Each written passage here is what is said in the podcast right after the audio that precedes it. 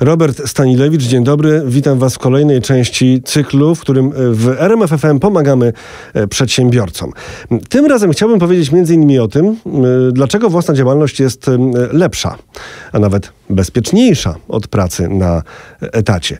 No ale także chciałbym powiedzieć o tym, co bardzo często tych, którzy spędzili część życia w takim trochę etatowym letargu, uśpieniu, no przepraszam bardzo, ale tak się zdarza, że to jest w pewnym aspekcie taki letarg, uśpienie, co y, zaskakuje, gdy wchodzą na drogę y, przedsiębiorczości, czyli, czyli na drogę pełną przygód, czyli terminy, formalności, papierologia. No i powiem o tym, w jaki sposób nowoczesne technologie pomagają w tym, żeby sobie z tym wszystkim poradzić, jakie są nowoczesne rozwiązania, które rzeczywiście mogą przyjść z pomocą. No bo oczywiście są różne metody. Można używać żółtych karteczek. Tak, te to nawet mi się dobrze nie przykleiły tutaj, więc zaraz by spadły i wszystko bym zapomniał. Mam nadzieję, że jakoś nie zapomnę o tym, co chciałbym wam powiedzieć, a rzeczywiście jest tego bardzo, bardzo dużo. No dobrze, zaczynamy. Prowadzenie firmy jest lepsze i bezpieczniejsze od własnej działalności. No szokująca e, teza być może, no bo zawsze firma to ryzyko, prawda, to jest dramat, bo firmy e, bankrutuje.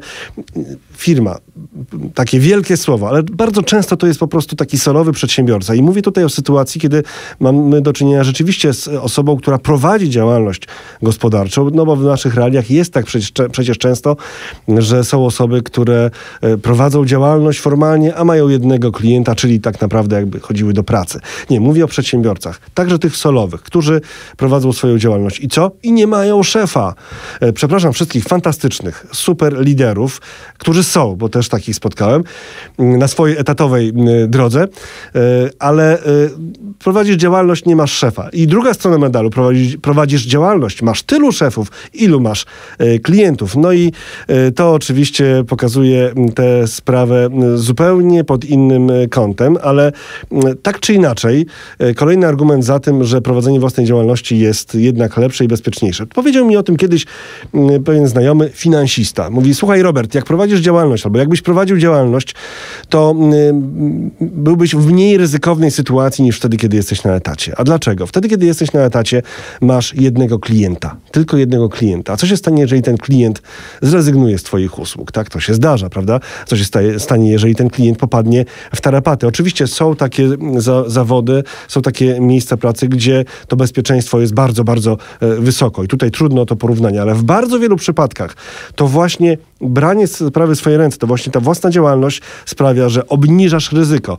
Yy, dlatego, że, no właśnie, dlatego, że możesz w, tylko w ten sposób zdywersyfikować yy, swoje, swoje co? Swoje zarabianie po prostu. Te miejsca, yy, z, z, których pozyskujesz swoje mm, przychody, dochody i tak dalej, i tak dalej. No bo masz wielu klientów. Oczywiście trzeba pracować, trzeba wymyślać i tak dalej, i tak dalej. Ale w sytuacji, kiedy jesteś na etacie, jak możesz zwiększyć swoje dochody? Możesz pójść po podwyżkę. Haha, wiadomo.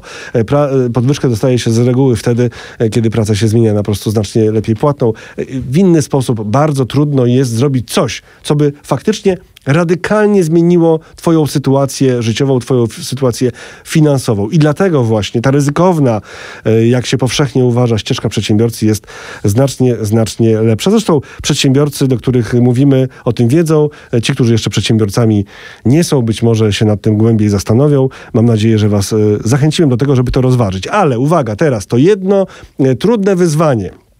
Bo jeżeli ktoś jest na tym etacie, to to jeżeli chodzi o mm, takie rzeczy jak terminy, no to na przykład y, wielu z was to zna.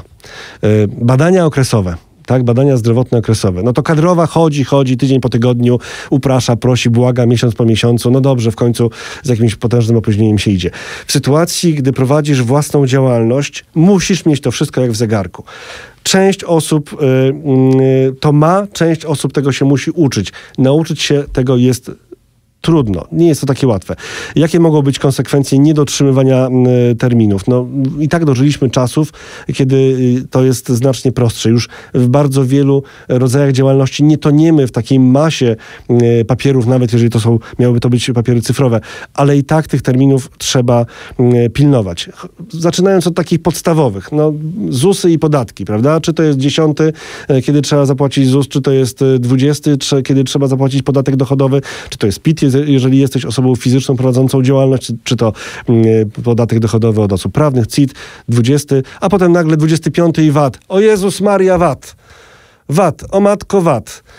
Dlatego mówię o matko VAT, bo tak się często zdarza, że przedsiębiorcy, zwłaszcza ci mali, traktują swoje pieniądze firmowe jako pieniądze swoje i ten VAT służy im do e, jakichś własnych wydatków na przykład, a potem przychodzi 25, trzeba to oddać.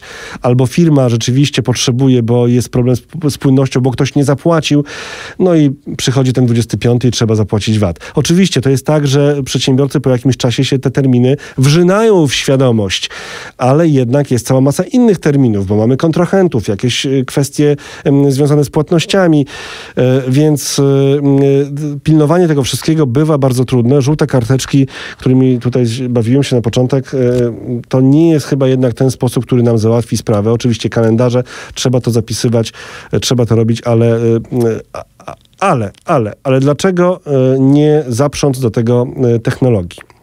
E, no właśnie, te technologie to są takie rozwiązania, które są zwykle sprzężone e, z waszymi e, rachunkami w bankach, a może z jakimiś innymi rozwiązaniami, czyli takie przypominacze. Podstawa to przypominacze, które wyświetlają wam zapowiedź, że zbliża się termin, kiedy macie, no właśnie, na, na przykład zapłacić ZUS. Za siebie to 10, jeżeli macie pracowników to 15 i potem podatkowe kwestie. Lepiej tego przestrzegać, lepiej zwracać uwagę na te komunikaty, no bo wiadomo, jeżeli nie zdążymy, to us, y, odsetki ustawowe, y, odsetki za spóźnienie. Nie są to może gigantyczne pieniądze, bo to jest 7-8% w skali roku, ale po co marnować pieniądze? To, są, to jest marnowanie pieniędzy. No gdyby ktoś rzeczywiście zapomniał bardzo, bardzo o tych terminach, no to wtedy konsekwencje mogą być znacznie bardziej poważne, mm, a bardzo łatwo na przykład stracić dobrowolne ubezpieczenie chorobowe, jeżeli ktoś do, jest w takiej sytuacji, że dobrowolnie się doubezpieczył chorobowo w Zakładzie Ubezpieczeń Społecznych, to jeżeli zapomni o tej składce, to dość szybko może zostać z tego dobrowolnego chorobowego, nie mówię o składce zdrowotnej, chorobowego, wyłączony, no i potem znowu się trzeba rejestrować. Czyli cała masa e, problemów, e, których można by uniknąć, gdyby reagować na te powiadamiacze z systemów, e, które macie prawdopodobnie dostępne, blisko, bo jeżeli macie gdzieś jakiś rachunek bankowy, to pewnie też możecie takie systemy sobie włączyć. Kolejna sprawa to jest kwestia tych kwot, które są do zapłacenia, bo jeżeli jest to zintegrowana usługa, kiedy macie ten rachunek i na przykład księgowość w jednej instytucji, to te kwoty pokazywane będą kwotami, które realnie są do zapłacenia. Inaczej sprawa wygląda, jeżeli jest to mm, porozpinane i macie oddzielnie księgowość, oddzielnie rachunek i ten właśnie przypominacz, ten system przypominania w rachunku, no to wtedy trzeba pilnować tych kwot, bo y, często jest tak, że te systemy przypominają kwotę w oparciu o ostatnie operacje, a nie konkretnie w oparciu o to, co się działo w waszym biznesie, no bo nie daliście takiego uprawnienia, prawda, bo macie księgowość w innym miejscu. A więc przypomina wam to w oparciu o to, y, jakie były poprzednie transakcje transakcje. W podatkach to się będzie różniło, bo jedne, w jednym miesiącu więcej kontrahentów, więcej faktur, w innym miesiącu mniej. Z ZUS-em trochę łatwiej, bo e, te stawki się tak nie zmieniają. Tu zaczynający działalność powinni pamiętać, dlatego że e, są na początku kolejne szczebelki e, takich ułatwień. Najpierw jest e, bardzo niska składka, tylko zdrowotna, przez pół roku potem jest taki ZUS te, przez dwa lata e, obniżony, no i potem to się zmienia już taki, do takiego pełnego ZUS-u.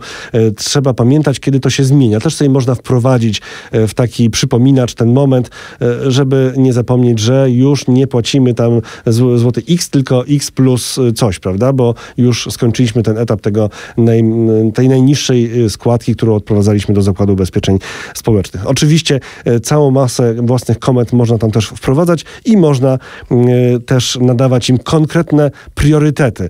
Oczywiście jest jeszcze coś.